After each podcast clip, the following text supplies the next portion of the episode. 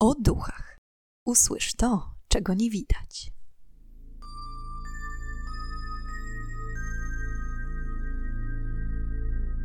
Witam i pytam, czego dusza pragnie. Strasznie miło mi gościć Was na moim kanale. W dzisiejszym odcinku ponownie zgłębimy historię opętania. Anna Eklund przez wiele lat borykała się z diabolicznymi siłami i przeprowadzono na niej kilka egzorcyzmów. Jakie demony zawładnęły jej ciałem? Na wstępie chciałam Was zachęcić do zasubskrybowania kanału, jeśli jeszcze tego nie robicie, oraz kliknięcia w dzwoneczek, aby zawsze być na bieżąco z nowymi odcinkami. Ale już nie przedłużając, zapraszam do wysłuchania dzisiejszej historii. Historia Anny Eklund jest niezwykle zawiła i skomplikowana. Świadczy o tym chociażby fakt, że nawet jej prawdziwe personalia oraz czas i miejsce urodzenia są utajnione. Z tego, co udało mi się wyczytać, przede wszystkim istnieją różnice między prawdziwym nazwiskiem Anny Eklund. Miała się ona nazywać albo Emma Schmidt, albo Hulda Emma Schmidt. Emma Schmidt urodziła się w Milwaukee 23 marca 1882 roku i wychowała w katolickiej rodzinie mieszkającej w Marathon w stanie Wisconsin. Według tej wersji ojciec Emmy nazywał się Edward Schmidt, co znów jest sprzeczne z późniejszymi wyznaniami samej Emmy, która podczas egzorcyzmów wykrzykiwała, że jednym z demonów wewnątrz niej jest jej ojciec Jacob. Dlatego też można skłaniać się ku wersji, iż Anna Eklund to tak naprawdę Hulda Emma Schmidt, urodzona 3 lipca 1882 roku w Targau w Szwajcarii. Jej rodzice, Jacob i Anna Schmidt, byli niemieckimi emigrantami, którzy osiedlili się w Wisconsin w 1884 roku. Hulda Emma Schmidt miała ośmioro rodzeństwa. Kobieta najbardziej znana jest pod pseudonimem Anna Eklund i tak też będę o niej mówić w dzisiejszym odcinku. Ojciec Anny był alkoholikiem i kobieciarzem. Jacob, choć wychowywał się w katolickiej rodzinie, sam nie był wierzący. Anna zaś była praktykującą katoliczką i ochoczo uczęszczała na msze. Kiedy skończyła 14 lat, miała zacząć dostawać od ojca niemoralne propozycje, zachęcające do rozpoczęcia romantycznej relacji. Dziewczyna była przeciwna temu pomysłowi i próbowała nie zwracać uwagi na bez wątpienia zaburzonego ojca. Opór dziewczyny nie spodobał się mężczyźnie. Przeklął ją, co miało poskutkować późniejszymi wydarzeniami. Od tamtej pory zachowanie Anny uległo zmianie. Zamknęła się w sobie, przestała rozmawiać z rówieśnikami i stała się bardzo ponura. Podejrzewa się, że z biegiem czasu dziewczyna mimo sprzeciwu padła ofiarą molestowania. Ilekroć Anna przychodziła do kościoła, czuła coraz większy wstręt do świętych przedmiotów. Do tej pory skromna i pobożna dziewczynka nagle miała ochotę demolować chrzcielnicę i bezcześcić Eucharystię. W myślach również krzywdziła duchownych i rzucała w ich stronę bluźnierstwa.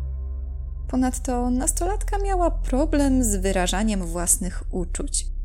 Często wybuchała zmiennymi nastrojami, poruszając tematy intymne, co zamiast ze zrozumieniem zagubionej i molestowanej dziewczynki wiązało się z coraz większą obawą o to, że jest ona niespełna rozumu. Jej wypowiedzi o podtekście seksualnym miały być raczej wołaniem o pomoc, aniżeli dowodem na zdeprawowanie. W kolejnych kilku latach matka Anny chodziła z nią od lekarza do lekarza, chcąc udowodnić, że jej córka ma problemy psychiczne. Co jednak najbardziej zaskakujące, każdy z lekarzy wykluczał możliwość choroby i jakichkolwiek zaburzeń. Z czasem nastawienie dziewczyny do kościoła stawało się coraz bardziej wrogie. Wymiotowała po przyjęciu Komunii Świętej i wyzywała duchownych. Kolejne lata mijały, a mimo braku diagnozy, stan psychiczny Anny nie ulegał poprawie. Wprost przeciwnie, z czasem całkowicie przestała uczęszczać do kościoła. W wieku 30 lat z kobietą było bardzo źle. Nie odnajdywała się w codziennym życiu, a jej myśli erotyczne, coraz częściej wypowiadane na głos, gorszyły każdego, kto je słyszał. Matka Anny, nie wiedząc, jak w inny sposób pomóc córce, postanowiła porozmawiać na ten temat z księdzem z miejscowej parafii. Ten przejął się losem kobiety i przekazał informacje dalej. Tym też sposobem o problemie Anny dowiedział się biskup Thomas Dunn z Des Moines w stanie Iowa, który z kolei polecił, aby Anna skontaktowała się z mnichem kapucynem Teofilem Resingerem, egzorcystą niemieckiego pochodzenia. Ojciec Teofil urodził się w 1868 roku i w wieku 20 lat wstąpił do XVI-wiecznego zakonu franciszkańskich kapucynów. Charakterystyczne dla tego zakonu jest skupienie na modlitwie i życie w ubóstwie. Na początku XX wieku mnich wyemigrował do Stanów, aby pobierać edukację w Nowym Jorku. W 1912 roku przeniósł się do Wisconsin, dokładnie do kościoła świętego Antoniego w Maratonie, gdzie też poznał Annę. Duchowny, po zapoznaniu się ze sprawą, został upoważniony do współpracy z Eklund i przez kilka tygodni ją obserwował. Pierwsze, co rzucało się w oczy, to fakt, że Anna bardzo źle reagowała na kontakt z wodą święconą, na przedmioty religijne i ogólnie jakąkolwiek aktywność związaną z Kościołem. Dla przetestowania prawdziwej niechęci do stricte przedmiotów katolickich, mnich raz pokropił Annę zwykłą wodą. I w tym przypadku kobieta w ogóle nie zareagowała. Po czasie obserwacji duchowny doszedł do wniosku, że Anna Eklund bez wątpienia padła ofiarą opętania. Szybko zorganizowano pierwszą sesję egzorcyzmów. Był rok 1912. O pierwszym egzorcyzmie przeprowadzonym na Annie Eklund wiadomo niewiele. Nie ma nigdzie dokładnego opisu, jak przebiegały zdarzenia tego dnia. Niemniej egzorcyzm się udał i przez kolejne 16 lat Anna żyła we względnym spokoju, wolna od demonicznych sił. Niestety, jej los miał na nią inny plan. Nie znalazłam potwierdzonej informacji, jakoby Anna miała po tym czasie nadal mieszkać z ojcem, ale późniejsze wydarzenia skłaniają mnie ku tej teorii. Jakiś czas po pierwszej sesji egzorcyzmu matka Anny Eklund zmarła. W tamtym czasie jej ojciec Jacob rozpoczął kazirodczy związek ze swoją siostrą i ciotką Anny, Miną. Mina uważana była w lokalnej społeczności za niebezpieczną wiedźmę, a sama Anna miała powiedzieć podczas egzorcyzmów, że ciotka pozbawiła życia czworo noworodków. Z jakiegoś powodu zarówno Mina, jak i Jacob nienawidzili Anny, przez co postanowili ponownie ją skrzywdzić.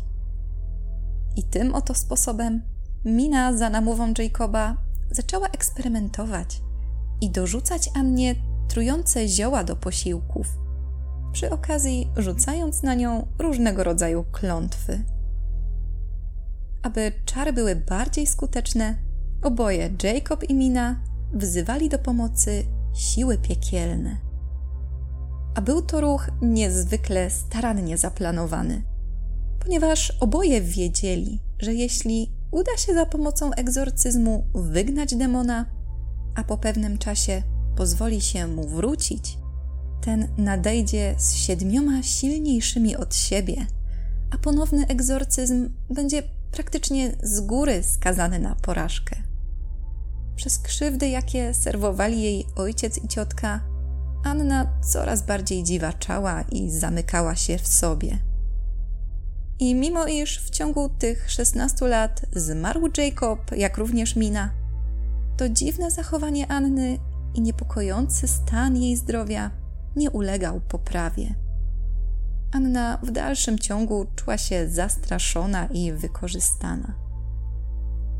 Z czasem ponownie zaczęła wybuchać niekontrolowanym śmiechem, bluzgać na święte przedmioty i pałać niechęcią do kościoła, mimo iż przez ostatnie lata ten wstręt ustąpił. Anna martwiła się, ponieważ była pobożną katoliczką i chciała uczestniczyć w swojej wspólnocie. Niestety, zamiast tego, coraz bardziej izolowała się od społeczeństwa, a jej myśli co róż nawiedzał zmarły ojciec i ciotka. Głosy w jej głowie nakłaniały ją do popełniania haniebnych czynów, a przyjęcie Komunii Świętej ponownie kończyło się wymiotami.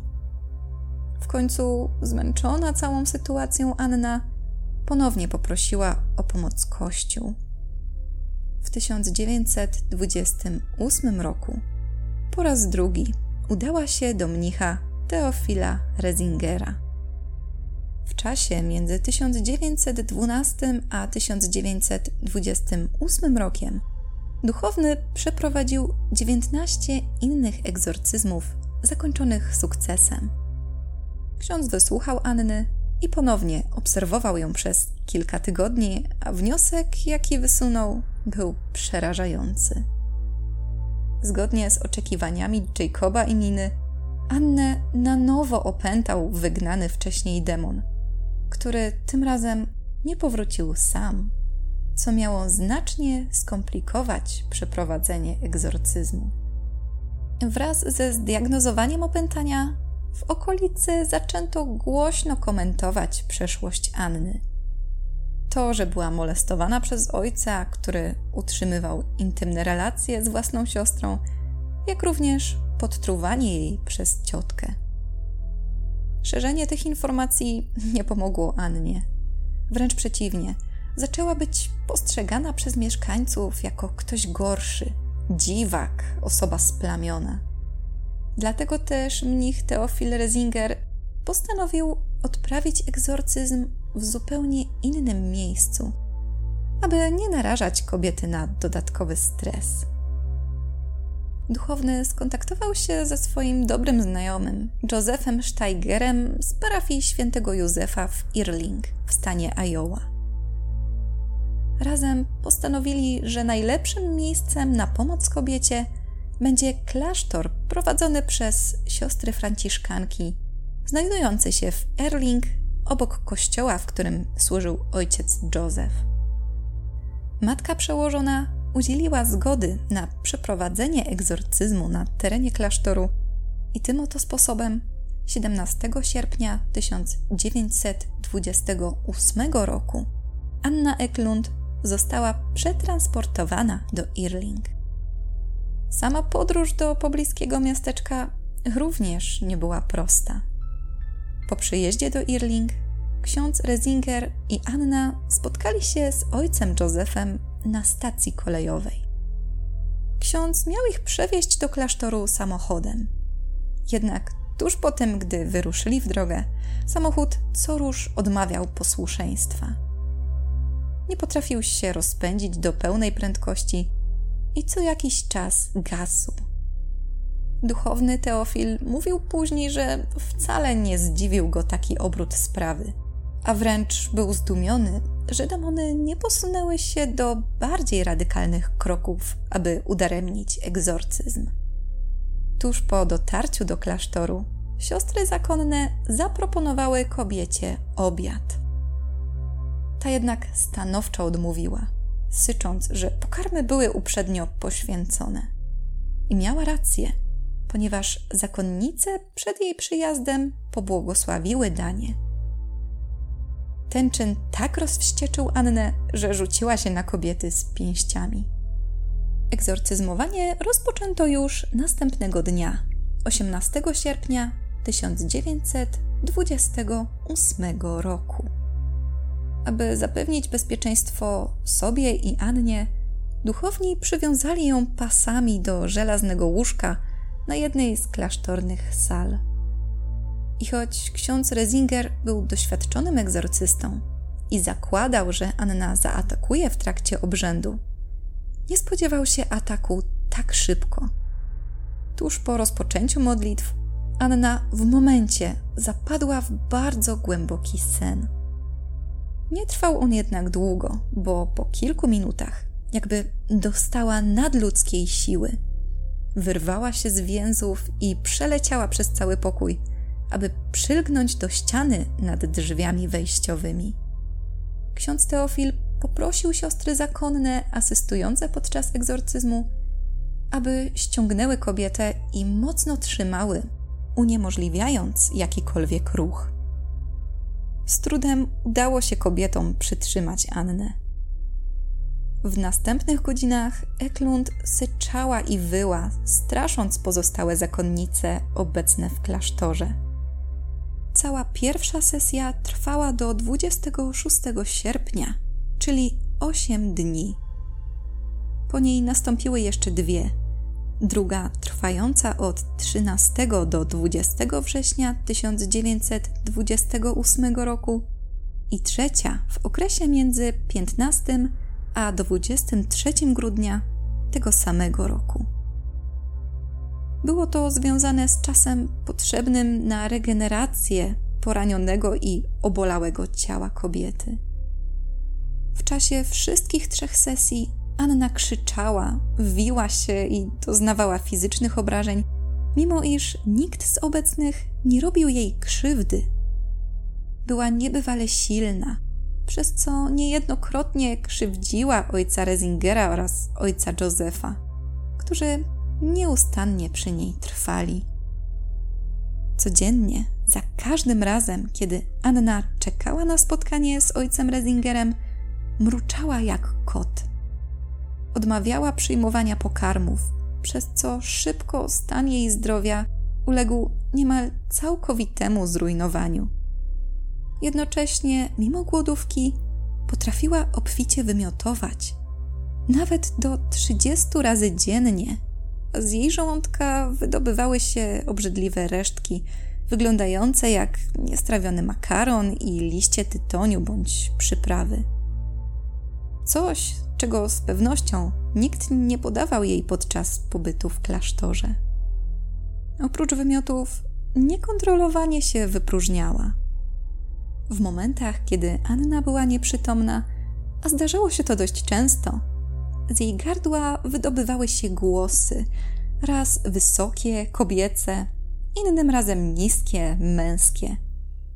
Jej usta były otwarte, ale się nie ruszały. Głosy krzyczały i bluźniły na obecnych zgromadzonych, wyjawiając informacje, których Anna nie mogła wiedzieć. Groziły też ojcu Józefowi, że jeśli nie przestanie pomagać przy egzorcyzmie, przydarzy mu się wypadek samochodowy. Głowa kobiety wydłużała się i powracała po chwili do pierwotnych rozmiarów. Wiele razy lewitowała, a jej usta potrafiły zwiększyć się do rozmiaru dłoni. Podczas sesji Anna mówiła obcymi językami, między innymi po łacinie, hebrajsku, włosku i nawet polsku. Tak jak w przypadku Klary Germany Sili, również rozumiała słowa, które ktoś wypowiadał do niej w tych językach. W trakcie egzorcyzmów co róż unosiły się okropne zapachy, a chmary much i komarów pojawiały się znikąd, aby po chwili równie niespodziewanie zniknąć. Między sesjami kobieta tak przerażała siostry zakonne, że kilka z nich poprosiło o przeniesienie do innego klasztoru. Anna przy każdym kontakcie z wodą święconą doznawała oparzeń skórnych. Krzyczała, wyła i syczała, gdy tylko widziała jakikolwiek święty przedmiot. Zmieniła się w tym czasie nie do poznania. Pomijając odmowę przyjmowania pokarmów, jej oczy niezwykle puchły i doznawała mocnego wytrzeszczu, a brzuch stał się twardy jak kamień. Po pewnym czasie sam ojciec Józef zaczął drżeć przed opętaną Anną. Okoliczni mieszkańcy, zaniepokojeni dźwiękami i odorem, jaki wydobywał się z klasztoru, licznie pojawiali się w pobliżu, żądając wyjaśnień.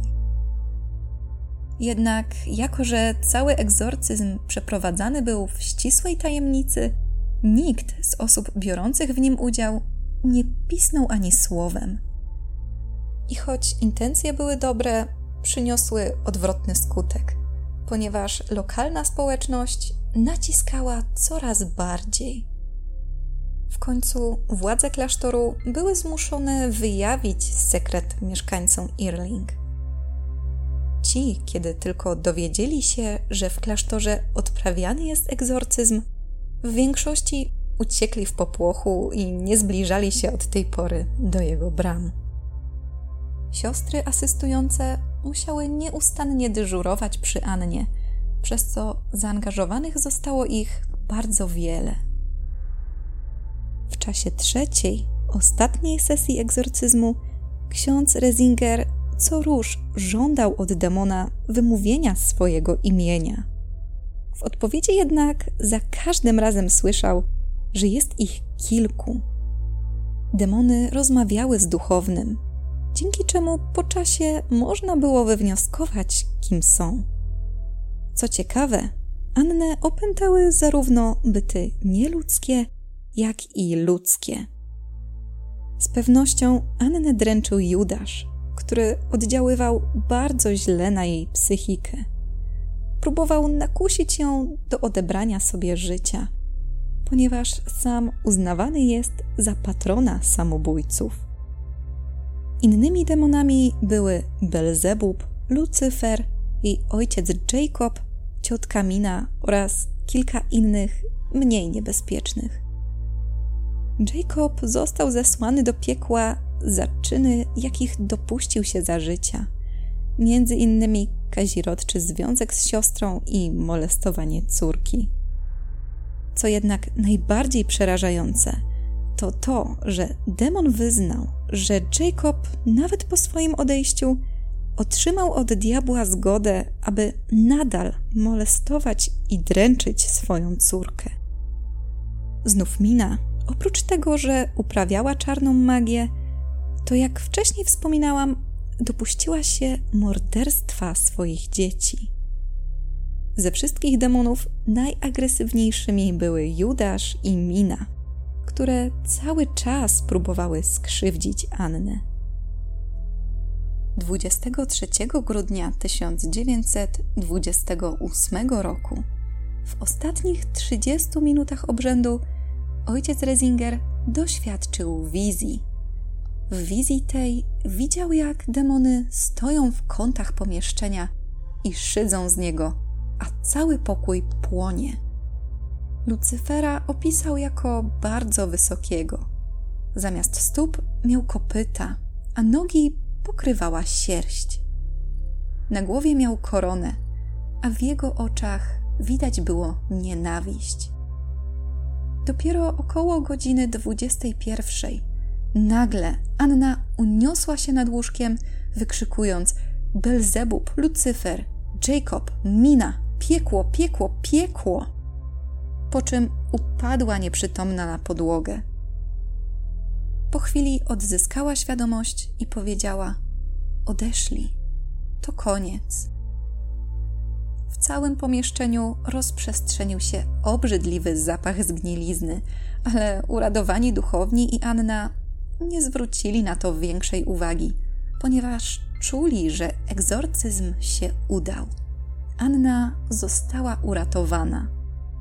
Sam obrzęd trwał 23 dni, ale ze względu na stan Anny i czas potrzebny do regeneracji, wszystko wydłużyło się znacznie i trwało od 18 sierpnia do 23 grudnia 1928 roku. Anna miała w tamtym momencie 46 lat.